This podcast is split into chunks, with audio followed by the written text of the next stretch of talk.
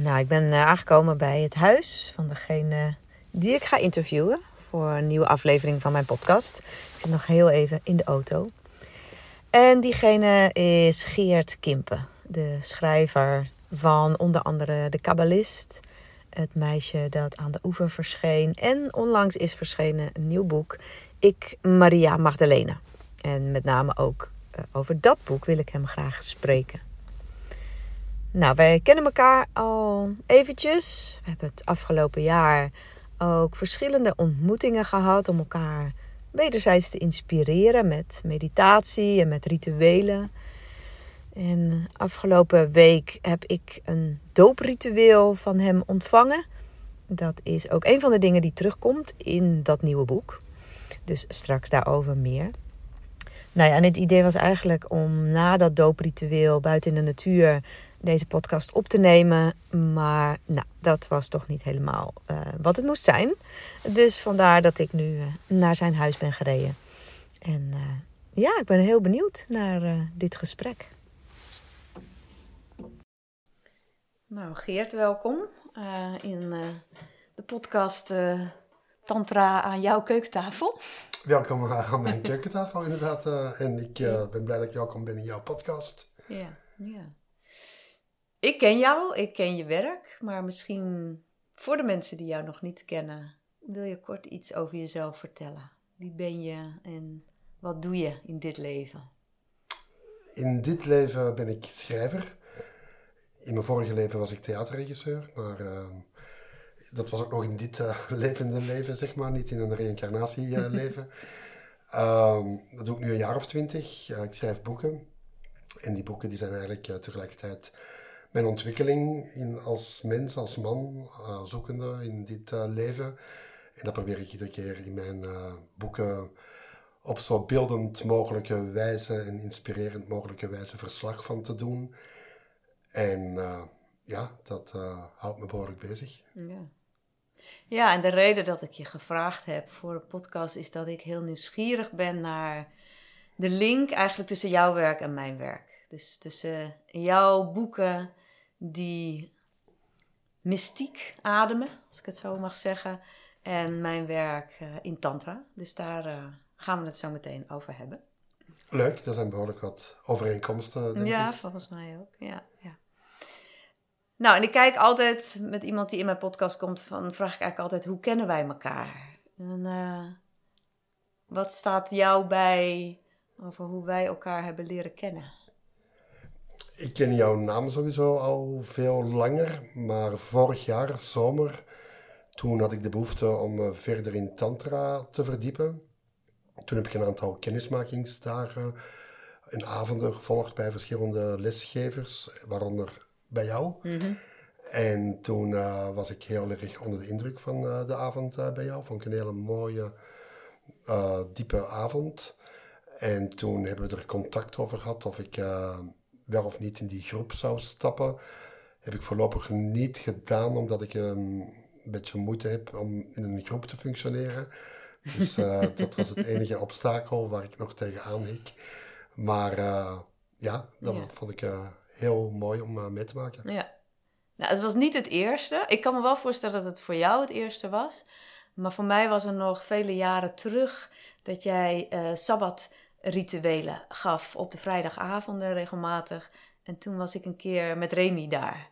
Ja. Dus ik kan me voorstellen dat jij dat je niet gerealiseerd hebt. Ik denk ook niet dat we toen gesproken... Nee, we hebben niet gesproken toen. Maar ik was dus wel al een keer bij jou.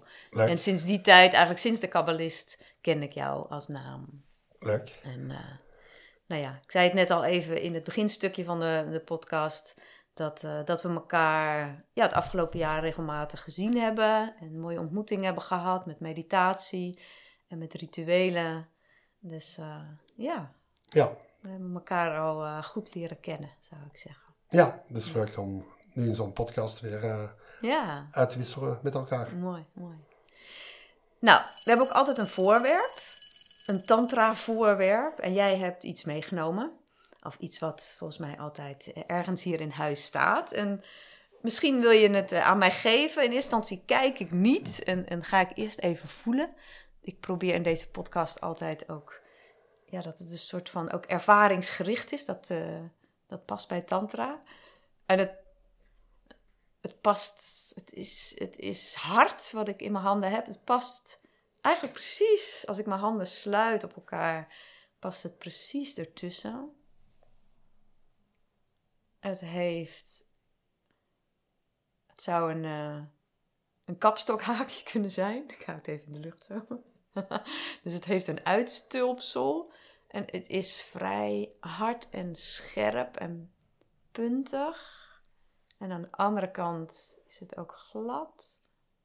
En als ik mijn ogen toch wel even open, dan zie ik de kleur wit-grijs en een hoop glinstering erin. Ja, dit kan ik even niet beschrijven, maar dat is moeilijk. Oké, jij zegt nog even niet wat het is en hoe je ook hier aan bent gekomen. Maar uh, strakjes uh, ik zeg alleen gaan we erop. met dierbaar is, maar ik zal Het straks is je vertellen dierbaar, ja, ja, ja. Ehm, ja, je hebt een hoop boeken geschreven. Dus ja, eerlijk is eerlijk, ik heb er maar drie gelezen. Nou, dan stopt hier de podcast. Ja, ja, sorry, sorry, sorry. Maar bij die drie boeken voelde ik wel een soort van alsof ze, nou ja, ergens een overlap hebben. Over, ook al gaan ze over verschillende mensen, verschillende stromingen. Dus wat klopt dat inderdaad? Die drie boeken en misschien dus ook nog andere boeken die ik nog niet gelezen heb. Ja, wat is daar de, de kern van? Ja, dat ehm, sowieso zit dus door al die boeken heen mijn persoonlijke ontwikkeling, waar ik op dat moment sta, waar ik me vragen over stel, waar ik mee worstel. En dat eh, probeer ik altijd in een spannend verhaal uh, te vatten. Om, ik ga dan op zoek naar antwoorden voor mezelf. Ik ga uh, mezelf binnenste buiten keren en daar ben ik vrij fanatiek in om dat te doen iedere keer. En wat ik ontdek, dat wil ik dan delen in die boeken. En meestal is dat gedrenkt in een mystieke stroming, van de Kabbalah tot het uh, Hindoeïsme, de Tantra, het Tao, uh, in dit boek het christendom. Dus maar iedere keer de mystieke kant van de grote religies. En die zijn, vind ik, ontzettend boeiend. Uh, en veel boeiender eigenlijk dan de mainstream uh, stromingen van die richtingen. En dan merk je ook dat in die, in die mystieke onderlaag ontzettend veel overeenkomsten zitten. Onder meer ook het tantrische is iets wat eigenlijk overal in terugkomt. Zowel in uh, de Kabbalah als in het hindoeïsme natuurlijk, als in het christendom zelfs, is het tantrische samen zijn tussen man en vrouw eigenlijk een, een overeenkomst en ook iets wat mijzelf heel erg boeit en bezighoudt. Mijn hele leven is daar ook een soort van zoektocht naartoe. Om en het mysterie van de vrouw te proberen te ontraadselen, wat me wellicht niet zal lukken voor mijn laatste levensadem gezucht is. Maar ook de verhouding tussen het mannelijke en het vrouwelijke. Hoe we met elkaar kunnen omgaan, hoe we elkaar kunnen empoweren, uh, sterker kunnen maken, verbinden met elkaar. Uh, dat is zeker een thema dat in al die boeken zit. Ja, ja dus het mystieke stuk. Hè, dat was voor mij ook wel een ontdekking op een gegeven moment. Van dat ook Tantra een mystieke stroming is. Bijvoorbeeld kun je zeggen van het Hindoeïsme of van het Boeddhisme, waar ja, ik weet niet waar mystiek dan voor jou over gaat, maar voor mij gaat het onder andere over niet het volgen van de wetten en de regels die dan ja, bijvoorbeeld een kerk neerlegt, maar heel erg de weg naar binnen, de persoonlijke weg, de persoonlijke ervaring van het goddelijke in alles, waarin onder andere ook in de seksualiteit. Ja, dat is mooi gezegd inderdaad. Dat is uh, denk ik wat het is om, om, om het helemaal bij jezelf te zoeken en jezelf te ontwikkelen en in dezelfde verbinding te maken. En wel binnen een kader waarin dat wijze mensen al allerlei dingen ontdekt hebben en delen. En dat ga je voor jezelf toetsen zonder het als waarheid aan te nemen. Het wordt pas waarheid als je het zelf ervaren hebt, dat het voor jou klopt. Ja. En op die manier proberen een betere ziel te worden op deze planeet. En voor sommigen, zoals jij me wel eens verteld hebt, als doel om verlichting uh, te bereiken. Ik heb die illusie opgegeven dat dat het gaat lukken, dus daar maak ik me niet druk over. Ja. Maar wel mezelf te ontwikkelen, ja. ja. Ik las gisteren in een boekje wat ik in Remi's kast tegenkwam. Soms vind ik boeken, dan denk ik, ha, dit was hij jaren geleden, las hij dit al. En het ging over Shiva en het Shaivisme, dus de vorm van Hindoeïsme en Tantra. En daarin stond als onderscheid tussen geloof en bijvoorbeeld Tantra, is dat geloof, nou het zit al hè, in het woord zelf, gaat over geloven. En bij een mystieke stroming zoals Tantra gaat het eigenlijk over, wat jij al zegt, het uiteindelijk zelf ervaren, maar al het geloof loslaten. Al je concepten. Tantra gaat niet over wat je van iets vindt, wat je over iets denkt, maar wat je in de directe ervaring zelf ervaart. Dus toen dacht ik ineens, ah ja. Nou, vond ik een mooi onderscheid. Heel mooi. Ja. ja. Maar goed, laten we naar je nieuwste boek gaan. Een hele bevalling. Ik heb een klein stukje zo kunnen meekijken het afgelopen jaar van wat een werk het was. Maar ik heb het gelezen deze week en ik vond het zelf echt heel erg mooi en ook heel inspirerend. Waar gaat het boek over?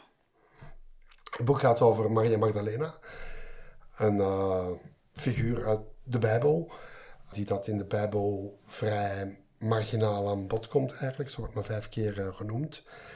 Desondanks heeft ze 2000 jaar lang heel diepe indruk uh, gemaakt op heel veel mensen, met name vrouwen. En de laatste 20, 30 jaar heeft ze echt een soort revival gekend. Uh, horen mensen haar, voelen ze haar, zien ze haar, identificeren ze zich met haar. En ik ben in haar leven gedoken, in allemaal bronnen die niet officieel erkend zijn door de kerk, maar die wel bestaan. En die in vele gevallen pas de laatste 60, 70 jaar naar buiten zijn gekomen. om haar leven te reconstrueren, na de kruisiging. Zij heeft nog uh, eh, 40 jaar uh, verder geleefd daarna. En ik wilde weten van hoe is dat leven gegaan? Wat was haar boodschap? Wat was haar rol? Hoe heeft ze geworsteld? Um, en ik heb geprobeerd om dat zo getrouw mogelijk, gebaseerd op die bronnen, levendig te vertellen. Mooi. En, en had je gelijk iets met haar? Nee.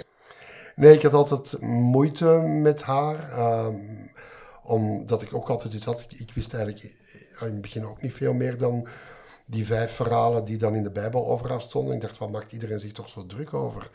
Zo bijzonder is dat toch allemaal niet? Ja, zo was zijn voeten en uh, ze bij de kruisiging. Ja, gewoon een hele devote vrouw ten dienste van hem was mijn beeld uh, ook. En Michelle, mijn vrouw, die had daar een heel ander gevoel bij, een veel sterker gevoel. In het begin hebben we er heel veel over gediscussieerd. Uh, dat ik zat van, lees de Bijbel, dat staat er helemaal niet. en zij zei, nee, dat weet ik dat dat niet staat, maar ik weet wel dat het anders zit. En zo ben ik toch gaandeweg geïntegreerd geraakt. En ben ik gaan zoeken naar die bronnen. En moest ik iedere keer ook mijn ongelijk uh, toegeven dat uh, zij bepaalde dingen voelde. Dat ik echt dacht, dat is onzin, bestaat nergens. Tot ik dieper ging graven en iedere keer toch bronnen vond dat ze gelijk had. Dat ze veel meer was dan dat ik zelf altijd gedacht had. En zo ja, ging ze steeds meer van mij leven. En ben ik nu ook een devotee geworden van uh, Maria Magdalena. Hmm. En wat, is haar, wat heeft zij de wereld te vertellen? Nou, in de eerste plaats wat heel belangrijk is, is dat zij dus gelijkwaardig was aan Jezus wat niet zo verteld wordt officieel. Dan is ze in het slechtste geval een prostituee die door hem vergeven is geworden in al zijn goedheid. Als ze, later is ze iets opgewaardeerd tot apostel der apostelen. Wat eigenlijk wil zeggen zijn beste leerling, maar is nog altijd onder hem uh, natuurlijk. Maar is onzin, is gewoon gelijkwaardig aan hem. Zij heeft zijn leer levendig uh, gemaakt en fysiek uh, gemaakt. Zij uh, heeft de weg in haarzelf getoond, waar Jezus vaak toch vanuit zijn hoofd praatte en preekte en legde, uitlegde uh, hoe het volgens hem in elkaar zat. Heeft zij die innerlijke weg, eigenlijk die tantrische weg, vertolkt. Ook in, in, in het mannelijke en in het vrouwelijke en in de vrouwelijke seksualiteit en hoe we door seksualiteit onszelf kunnen uitzuiveren en dat er eigenlijk geen manier is om dichter bij het goddelijke te komen dan wanneer we in een heilig huwelijk met elkaar verbinden en daar seksualiteit met elkaar beleven. En het heilige van het lichaam heeft zij gedoseerd. Dus zij, zij ja, was een wijze, inspirerende lerares die op een hele andere manier dan hij les gaf, maar minstens zo wezenlijk en inspirerend. En dat, dat klinkt, als het gaat om seksualiteit, om, om best wel een ehm, hele andere boodschap dan. Ik heb zelf het christendom niet bestudeerd, maar ik leef natuurlijk wel in een, uh, een samenleving waar het christendom een belangrijke plek in heeft en zeker had. Uh, hoe wordt dit ontvangen bij christenen? Nou, eigenlijk al van in haar eigen tijd uh, is zij daarvoor veroordeeld en aan de kant gezet. Mm -hmm. uh, Jezus was er maar net van het kruis gehaald, of ze werd eigenlijk al verbannen door de andere apostelen, die het onverdraaglijk vonden, überhaupt dat ze een vrouw was. Mm. Uh, die dacht dat ze iets te vertellen hadden. Dat vonden ze verschrikkelijk. Dat staat ook in de officiële geschriften. Dat staat echt van. Maria Magdalena, hou je mond, want jij bent een vrouw en het eigenlijk niet waardig om te leven, staat er letterlijk in uh, de officiële uh, geschriften. En dat is alleen maar erger geworden natuurlijk, omdat zij heeft haar mond niet gehouden. Zij is haar eigen weg gegaan. Zij heeft overal waar zij gereisd heeft gemeenschappen achtergelaten waarin mensen met haar leer aan de gang gegaan zijn, uh, met seksualiteit aan de gang gegaan zijn. En dat is allemaal weggesneden, allemaal gecensureerd. Die boeken zijn verboden geworden, die boeken zijn in de ban gedaan, die mocht je niet lezen, die mocht je niet in je bezit hebben. Dus het is een wonder eigenlijk dat we toch nog 2000 jaar later over haar hebben, terwijl echt de mannen, want het zijn echt wel mannen die daar verantwoordelijk voor zijn, er alles aan gedaan hebben om haar uit de geschiedenis te schrijven. Hmm. Hier zit dus ook een overeenkomst hè, met Tantra, omdat daar natuurlijk ook geschriften zijn geweest die uh, onder andere met de mosliminvasie en later kwamen de Britten in, in India.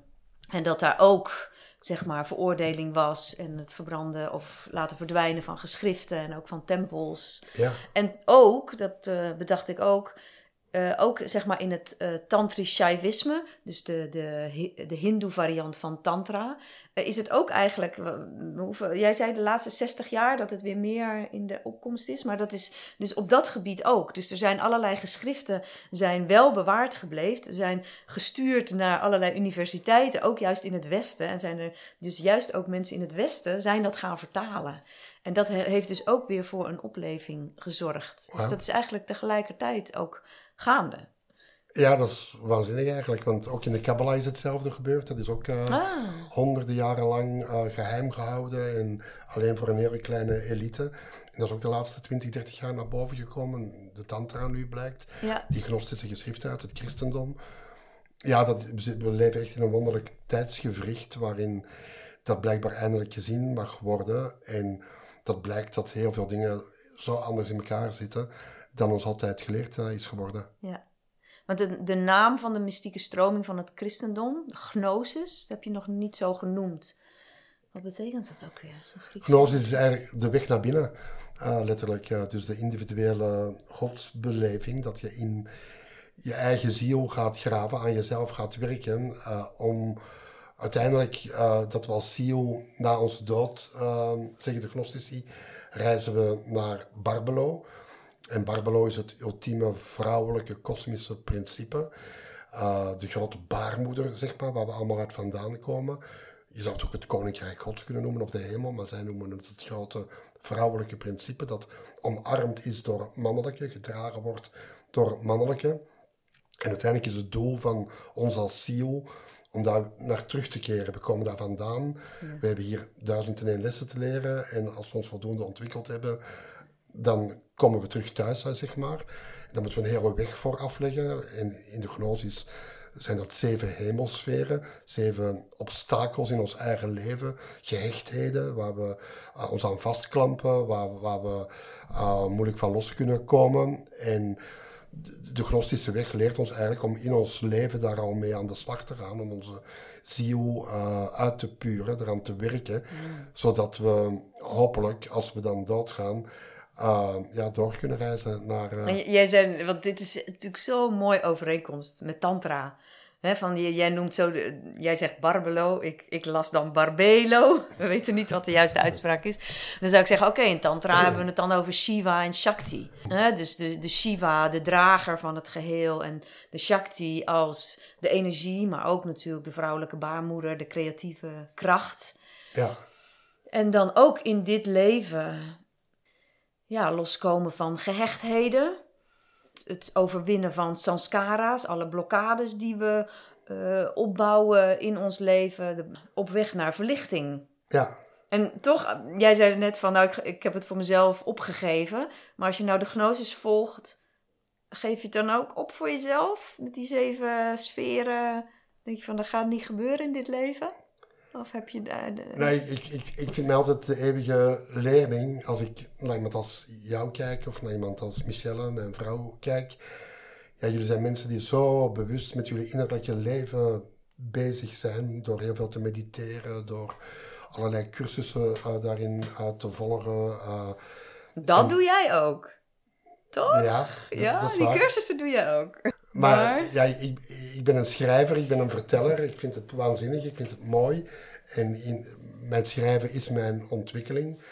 Daarin heb ik vaak ook een andere stem, hoor ik soms van mensen, dan wanneer ze mij in de realiteit eh, ontmoeten. Dus Mich- Michelle zegt dat ook wel vaak, van lijken wel twee verschillende mannen eh, te zijn. Dus ik, ik, ik, ik, ik, ik, ik voel me gewoon in, daarin in de eerste klas zitten vergeleken met jullie. En misschien doe ik mezelf daar onrecht eh, mee aan, dat weet ik niet. Maar ehm, ja, Ja, ik- ik snap wel wat je bedoelt. Ja, nou, mooi en eerlijk. ik had nog een vraag willen stellen van, misschien heb je me al helemaal beantwoord, misschien ook nog niet, van hoe tantrisch was Maria Magdalena? Je zei net al van, oké, Jezus was meer vanuit het hoofd, zij, van, zij meer de belichaming. ja, Hè, Ze had het heel erg over de heilige seksualiteit. Ehm, het vrouwelijke principe staat ze natuurlijk enorm voor. En Tantra eert ook de godinnen en de Shakti en de energie. ja. Zijn er nog, is er nog een ander aspect? Nou ja, zij was een, een, een, een pure tempelpriesteres, zou je kunnen zeggen. En de tempelpriesteressen cultuur is echt een cultuur die duizenden jaren lang bestaan heeft, ongeveer tot en met het christendom. Toen, dat waren de laatste uitstulpingen daarvan, zou je kunnen zeggen. Maar met name in de Egyptische tempels had je overal tempelpriesteressen. In India natuurlijk had je een uitgebreide tempelpriesteressencultuur en nog in vele andere culturen. En dat waren de wijze vrouwen. Uh, daar ging je naartoe om, om, om geïnspireerd te worden, om verlicht te worden, om bewustzijn te krijgen op dingen. En dikwijls was het middel daartoe ook seksualiteit.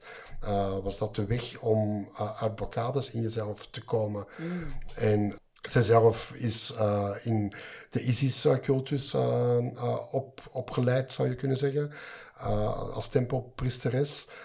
en in haar leer over die zeven hemelen om tot Barbelo te komen, die kun je eigenlijk één op één leggen op hoe de Egyptenaren keken naar hun visie na de dood, uh, hoe dat een ziel dan eigenlijk een gelijkaardige weg moest afleggen, alleen in andere terminologie, met andere benamingen, maar eigenlijk praktisch hetzelfde. Uh dus dat tantrische, dat, dat is doorspekt in heel haar wezen, in heel haar zijn en ook in haar verbinding met Jezus, in mijn optiek, heeft zij hem echt in zijn kracht gezet. Heeft hij de dingen kunnen doen doordat zij hem dat bewustzijn, die inspiratie uh, gegeven heeft. Doordat zij als vrouw hem tot koning gezalfd heeft. En dan niet de letterlijke koning met een kroon op, maar tot pure mannelijkheid. Uh, wat een vrouw uh, doet, een tempelpriesteres doet met, mm. met, met, een, met een man. En vroeger was dat ook letterlijk zo. De koningen, wanneer dat die ruzie hadden met een naburig land, dan gingen ze naar een tempelpriesteres toe om advies te vragen. Uh, dan gingen ze een, ook een heilig huwelijk met elkaar aan met een tempelpriesteres om kracht uh, te krijgen. Uh, dus dat zit eigenlijk in heel onze ja, oude cultuur, zeg maar. En die rol die vertolkte zij ook. Ja. En nou begint je boek begint eigenlijk bij zijn kruisiging. Of ergens, het, gaat niet echt over de tijd dat ze samen waren. Hè? Nee. Het is eigenlijk haar reis daarna. Ze maakt ook een hele reis. Is dat bewust? Of zou je dat ook nog willen doen? Over dat deel schrijven? Nou, daar, uh, mijn doel was inderdaad om, om, om het leven daarna te beschrijven, om haar centraal te stellen, want anders ja. dan is het toch weer dat het hoofdzakelijk over hem gaat. En ik denk dat we, ja. met alle respect, genoeg over, ja, we houden van hem, maar... over hem gehad hebben. En natuurlijk wordt er ook teruggeblikt op hun leven samen. Maar laten we ook niet vergeten dat hun relatie vrij kortstondig waarschijnlijk geweest is. We weten dat niet letterlijk, maar ik schat zelf drie à vijf jaar hebben zij heel intens met elkaar rondgetrokken. En het was een heel sexy hippie koppel, zou je kunnen zeggen die dat een onwijs charisma hadden, waar mensen bij wilden horen. Die, ze, ze liepen door dat land heen en steeds meer mensen sloten zich aan. En hij ging grote preken houden op eh, bergen en ehm, op verhogingen. En zij trok zich met de vrouwen terug in de vrouwenvertrekken en inspireerde daar de vrouwen van, van binnenuit. Maar dat, dat, ja, we denken soms dat, dat, dat, dat 20, 30 jaar bij elkaar geweest zijn, maar dat is natuurlijk helemaal niet zo. Uh, Terwijl tegelijkertijd, als je dan proeft, zo in het verhaal, zeg maar, zij, haar liefde en haar toewijding. Dan inderdaad, nu het zo zegt, het voelt wel alsof het dus heel lang was. Zo, zo intens lees ik en voelde, voelde ik toen ik het las wel echt haar liefde. Ja, het is natuurlijk een, een enorm liefdeslicht geweest dat die twee mensen met elkaar gehad hebben. Want ja, het is überhaupt natuurlijk krankzinnig dat we 2000 jaar later nog steeds over die mensen hebben. Dat er nog steeds zoveel boeken over geschreven worden. Dat kerken elke zondag vol zitten om het over hun uh, te hebben. Dus dat, dat, er moet iets ja, magisch, magisch uh, gebeurd zijn. Een enorme explosie van liefdesenergie hebben, hebben die twee uh, tot stand gebracht. Maar net volgens mij in die verbinding. Nee. dat, en dat ja, in die zin zijn ze iconen van de liefde ook. Van, ja, denk ik dat iedereen uh, een, een, relatie zoals zij wil hebben, ook al was het zo kortstondig. En nou heb ik natuurlijk in mijn workshops komen best wat mensen die christelijk zijn opgevoed. En nou, de meeste die in mijn workshops komen, die hebben dat christendom soort van achter zich gelaten. En ook met het idee van ja, als het gaat om seksualiteit, is daar dus eigenlijk niks te halen. Hè, dat is een en al negativiteit en onderdrukking. Wat zou, kan dit boek daar iets in betekenen voor deze mensen, denk jij? Als daar open voor staan, zeker wel. Want dat was dus wel zo. Seksualiteit was wel degelijk een stroming binnen de gnostiek ook. Binnen dus die mystieke kant van het christendom. Waar Maria Magdalena voor uh, stond. Zij heeft uh, bijvoorbeeld in Alexandrië een gemeenschap uh, opgericht, de Borborieten, waarbij seksualiteit volledig centraal stond. Daar heeft ze ook boeken over geschreven, die helaas grotendeels verloren zijn gegaan. We hebben alleen een paar fragmenten uh, daarvan. Maar ja, dat, dat was een gemeenschap die dus de seksualiteit vierde en dan niet in de zin van dat het een soort van veredelde parenclub of zo was, maar net het heilig maakte en, en uh, met die seksuele energie uh, aan de gang ging met elkaar. Eigenlijk een, een hele mooie tantra-cursus zou je kunnen zeggen, uh, was dat wat zij met elkaar deden.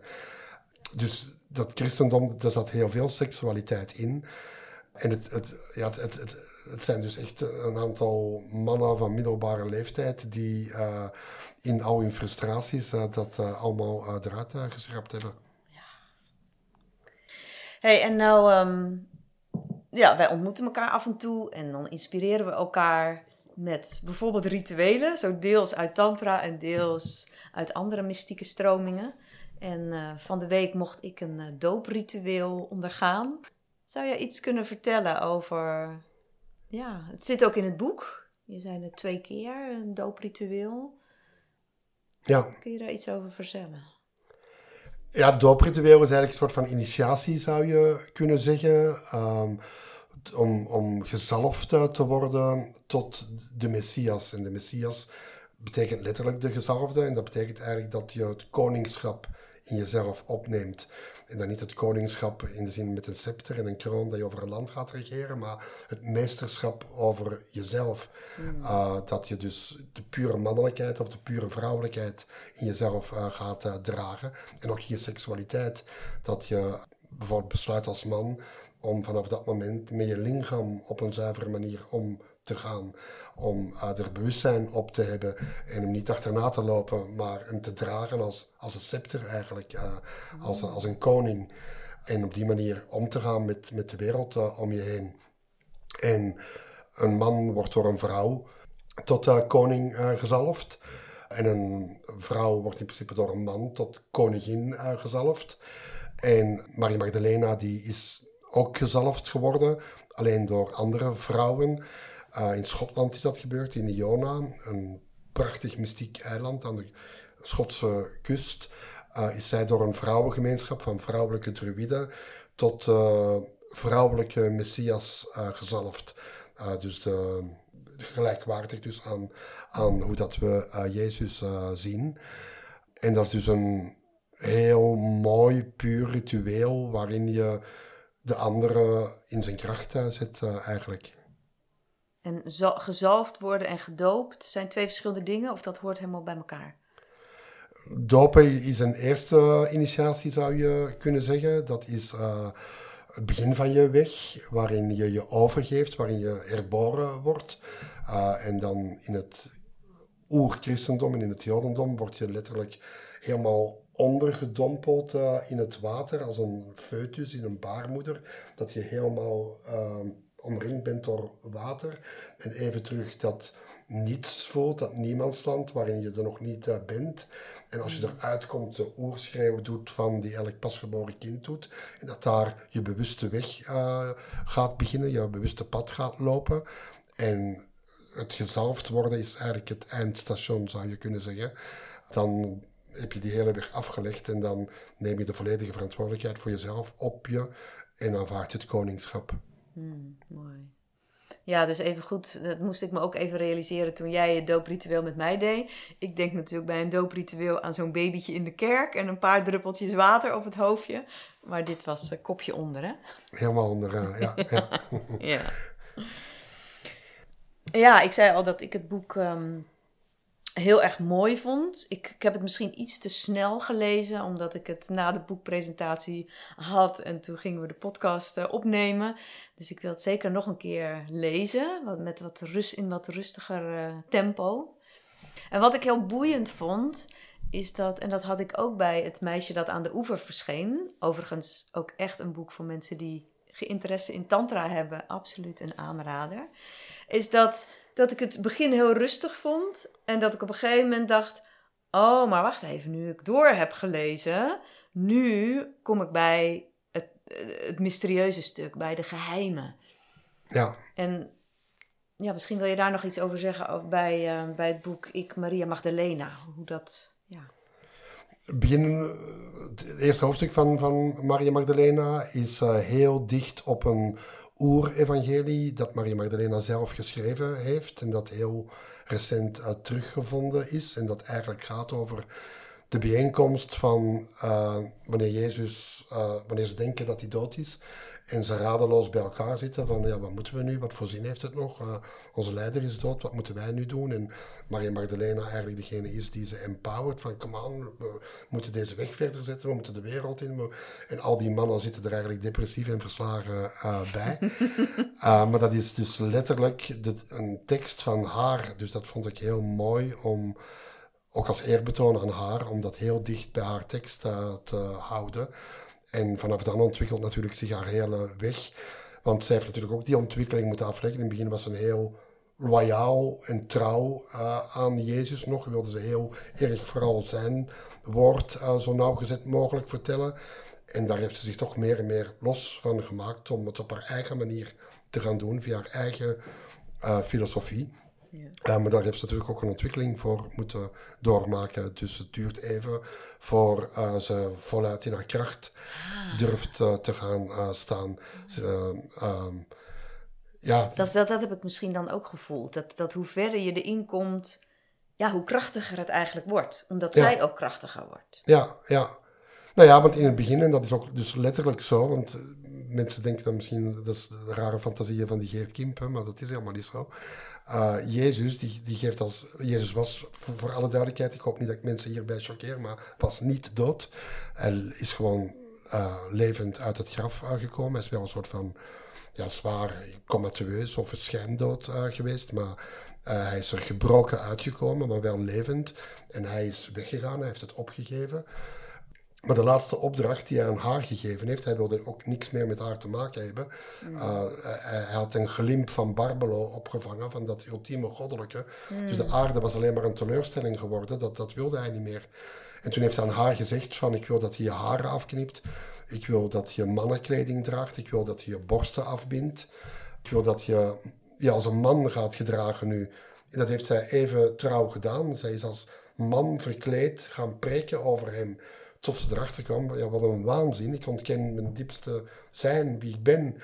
En eh, toen ze dat gerealiseerd heeft, uh, is, heeft ze het besluit genomen om voor haar eigen weg uh, te gaan. Hmm. Mooi.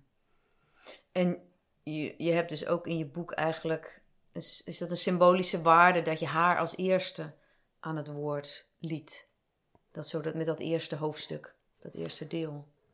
Ja, om, om, om dat, dat uh, meer authentiek kun je het niet krijgen natuurlijk. Het zijn haar woorden bijna. Ja. Uh, het is hoe zij het beschreven heeft, hoe zij het ervaren heeft. Uh, dus dat is inderdaad een eerbetoon aan... Uh, ja, dichter, dichter op haar huid kan ik niet komen dan nee. wat ze natuurlijk zelf uh, letterlijk vertelt. Mooi, ja. Nou ja, en dat die geheimen, of dat het steeds krachtiger wordt, dat, daar zie ik dan ook een link met mijn eigen werk. Van, jij hebt ooit één avond dan bij mij gedaan en dat vond je al heel wat en dat vinden veel mensen. Maar tegelijkertijd zit daar nog lang niet de diepgang van tantra, die je dan weer in langere trainingen, hè, als je doorzet en doorgaat, dan meer en meer um, te horen krijgt. Dus ja. dat, dat, vond ik nog weer een interessante link tussen, tussen in ieder geval deze twee boeken en dan mijn eigen werk. Ja. Mooi. Nou ja, dat is natuurlijk in deze tijd zo. En daar heb ik me in dit geval dus ook uh, deels schuldig aan gemaakt. Maar dat we heel hapsnap allemaal stukjes spiritualiteit tot ons willen nemen. Eventjes een avondje tantra, een avondje boeddhisme, een avondje auras. Maar ja, dat zijn allemaal hele diepgaande leringen. En uh, waar je nu ook nooit uitgeleerd geraakt. En voor jou is dat heel duidelijk die tantrische weg, waarin je steeds dieper en dieper en dieper uh, zakt. En ook nog steeds uh, leert, ook al ben je lesgever. En dat is het mooie van de mystieke weg natuurlijk, dat je nooit uitgeleerd bent. Ja, ja. Heb je al nog een andere mystieke stroming die voor een volgend boek gebruikt gaat worden? Of weet je dan nog niet? De Tao waarschijnlijk. Ja, ja. En dan ooit nog het soefisme. Please. Ja, ja, ja, ja. ja, die hoort er ook wel echt bij. Ja, die is ook uh, prachtig. Ja, zeker. Ja, ja. Ik weet er heel weinig van op dit moment, uh, maar ja, ik voel er ook een heel grote aantrekking. Ik, ik, weet ook niet of je je aan Rumi durft... ja, dat je Rumi's verhaal, dat zal ongetwijfeld al opgeschreven zijn. Maar dat je daar weer een eigen variant van maakt. Nou, daar verheug ik me dan nu eigenlijk op. Wat ik trouwens ook nog dacht stel dat um, de boodschap van Maria Magdalena toch al vanaf het begin ja, gebleven zou zijn geweest.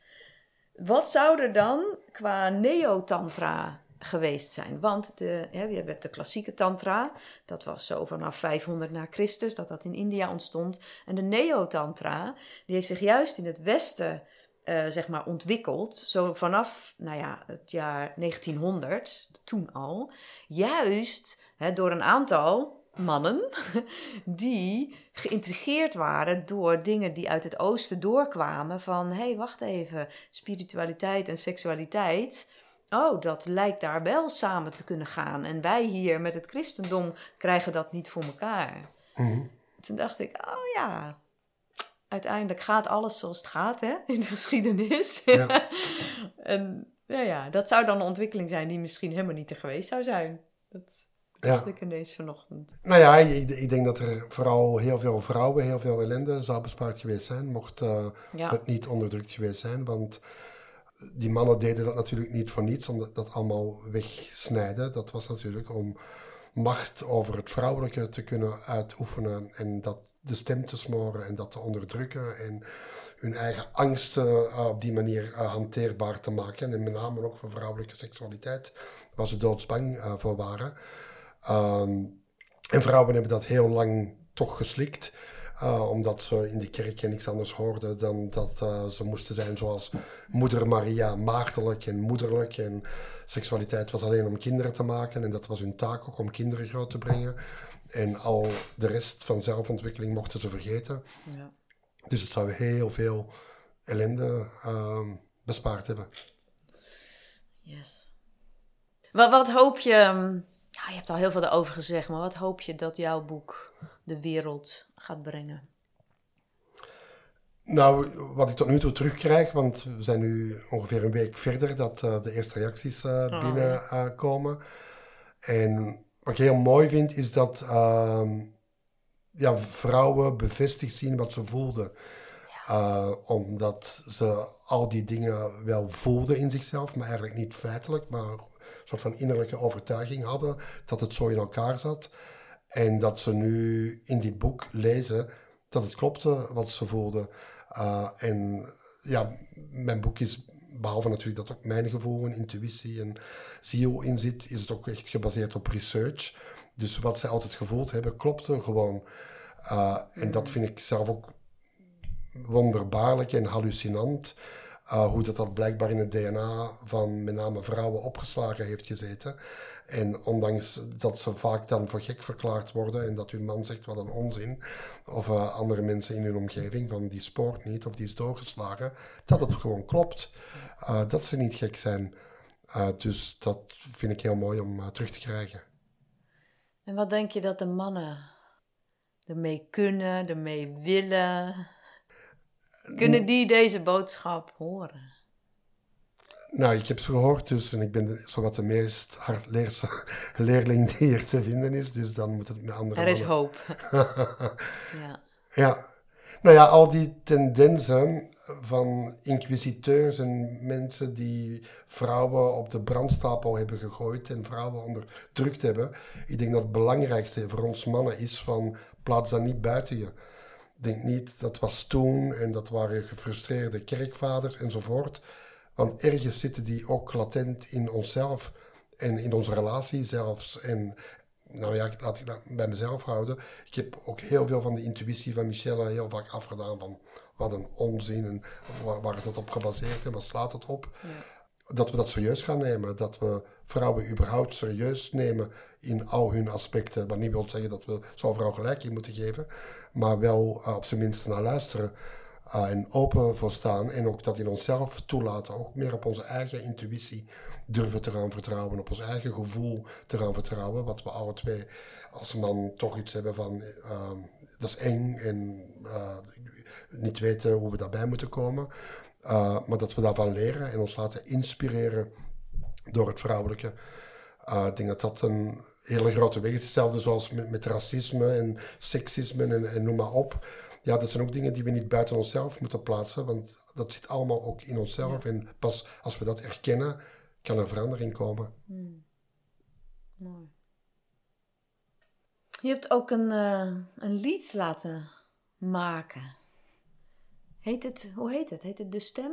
Of Mijn Stem is van mij? Mijn Stem is van mij, ja. Ja, ja. ik dacht we kunnen zo aan het eind van de podcast kunnen we een klein stukje van laten horen.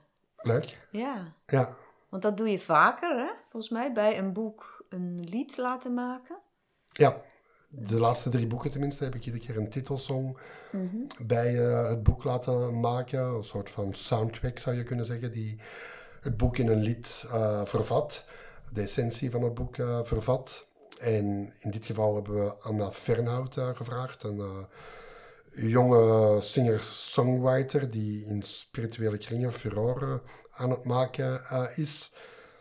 Die een heel mooi lied heeft geschreven, vind ik. Ehm, dat ja, dat boek heel goed samenvat. Van ja, vrouwen, laat je stem horen. Jouw stem is van jou. En het is nu de tijd dat dat voluit mag klinken zonder enige terughoudendheid. Mooi. Laten we zo een stukje horen. Leuk. Zullen we teruggaan naar het voorwerp? Oh ja, ja, hebben we ook nog. Ja. Ja. ja Wat is dit? En hoe kom je daar aan? Uh, dit is een gesteente dat uh, op merkwaardige wijze door de natuur gebeeldhouwd is tot een lingam. Een lingam in... Een penis. Een penis, in erectie. Uh, een kleine penis. Kleine penis, ja. Ik wou, wou, het, wou het zeggen, maar ik dacht, moet ik het zeggen? ja. Een kleine maar stevige uh, penis, uh, zou je kunnen zeggen. glinsterend in een soort van gesteente, maar ik weet niks van stenen, dus ik zou niet weten welke gesteente het is. Maar het blinkt en het, is mooi, vind ik. Maar het bijzondere hiervan vind ik, ik heb hem gekregen van een man die me erg dierbaar is. Die aan het sterven was, heel bewust aan het sterven was. Ehm, en die wilde dat Michel en ik ja, een van zijn laatste dagen op bezoek kwamen. En hij had ook heel veel gehad aan het boek Het meisje dat aan de oever verscheen. Dat dat voor zijn mannelijkheid uh, veel betekent. Hij had ook prostaatkanker, dus hij is ook ja, gesneuveld, zou je kunnen zeggen, in zijn mannelijkheid. Uh, en hij wilde mij dat uh, toen schenken uit ja, dank of vriendschap daarvoor. En dat heeft me ja, natuurlijk ontzettend ontroerd. En dus dat, dat staat op mijn bureau als uh, om mezelf te herinneren dat ik mijn eigen mannelijkheid ook als een koning moet dragen. Ja, ja. Nou ja, en je geeft af en toe op mannenfestivals of andere plekken geef je lingam-rituelen. Ja. Nou, de mensen denken van oké, wat gaan we dan doen? Maar dat is ook met een steen, hè, symbolisch, de eigen lingam en je eigen mannelijkheid. Ja, precies. Dat je eren. je eigen lingam uh, zowel vergeeft voor die keren dat je hem niet bewust hebt gebruikt, dat, dat hij met jou aan de gang ging, dat je misschien mensen daarmee gekwetst hebt. En tegelijkertijd ook uh, de trots uh, op je lichaam terugpakken. Want bij veel mannen zit er ook schaamte op, dat ja. ze uh, ja, gekwetst zijn uh, erin door ervaringen. En het voornemen te formuleren van dat je hem als een koning gaat dragen. dat is de essentie van dat ritueel. Ja, vind ik ook mooi. Van, toen net heb je het natuurlijk heel erg gehad over het eren van het vrouwelijke. Maar dat is natuurlijk niet het enige wat we te doen hebben. Het eren van het mannelijke um, is net zo belangrijk. Ja. ja. En mannen hebben heel veel werk uh, te doen in dat opzicht. Um, er zijn natuurlijk ook heel veel mannen die dat pad ingeslagen zijn. Maar ik denk in zijn algemeenheid uh, lopen vrouwen ontzettend voor uh, op ons. Ja. En ik denk dat wij daar echt een grote inhaalslag in te maken hebben. Ja. ja. Nou ja, en dit voorwerp um, heeft dus ook wel een link met mijn werk. Hè. Zeker in de langere trainingen zitten ook rituelen die met de lingam te maken hebben. En daarnaast staat er op mijn altaar in de langere trainingen ook altijd wel iets van een Shiva lingam. Die ziet er dan wel anders uit. Het is meer symbool geworden eigenlijk. Met ook een yoni eronder. Ja. Nou ja, ik vind met dit eigenlijk, daar moest ik even lachen aan de onderkant. Zou je als een yoni, Zou je als een yoni kunnen zien. Hè? De binnenkant is hol eigenlijk van deze steen. Ja, dus daar zag ik ook nog weer een, uh, een link tussen ons uh, werk. Ja, die Shiva Lingam, dat is natuurlijk prachtig dat dat het symbool is van de tantra, van het uh, hindoeïsme in, in het algemeen. Dat in elk hut in India vind je een Shiva Lingam op een ja. altaartje. En dus eigenlijk, ja, wij hebben dan een kruisbeeld boven de schoorsteen hangen. Een Verschil man. moet er zijn. En zij hebben gewoon het symbool van mannelijkheid en vrouwelijkheid op hun schoorsteen staan. Ja. Ja. Dus dat is, dat is prachtig, ja. Ja, het is ook niet voor niks dat zo die Oosterse tradities toch ook ja, ja, zo'n opleving hier hebben en zoveel mensen daar interesse in hebben. Van... Ja. Oké. Okay. Jij nog iets toe te voegen? Ter afsluiting. Nou, ik vond het een eer om uh, in jouw podcast uh, te gast uh, te zijn en de link tussen het Tantrische en Maria Magdalena met jou te bespreken. Want dat is iets wat uh, voor veel mensen ook nieuw is, denk ik. Ja. En wat misschien ook weer dat christendom, wat veel mensen inderdaad achter zich gelaten hebben, of überhaupt nooit toegelaten hebben, toch misschien weer in een ander licht zet. Uh, dat uh, er ook een hele mooie, inspirerende kant aan is. En niet alleen dat dogmatische dat we meestal kennen. Ja, alright, dankjewel. Graag gedaan. Ik ben hier in je hart, in je buik, in je bekken, onder je huid. Ik blijf hier tot de laatste vrouw me zal horen en leven zal. Ik dans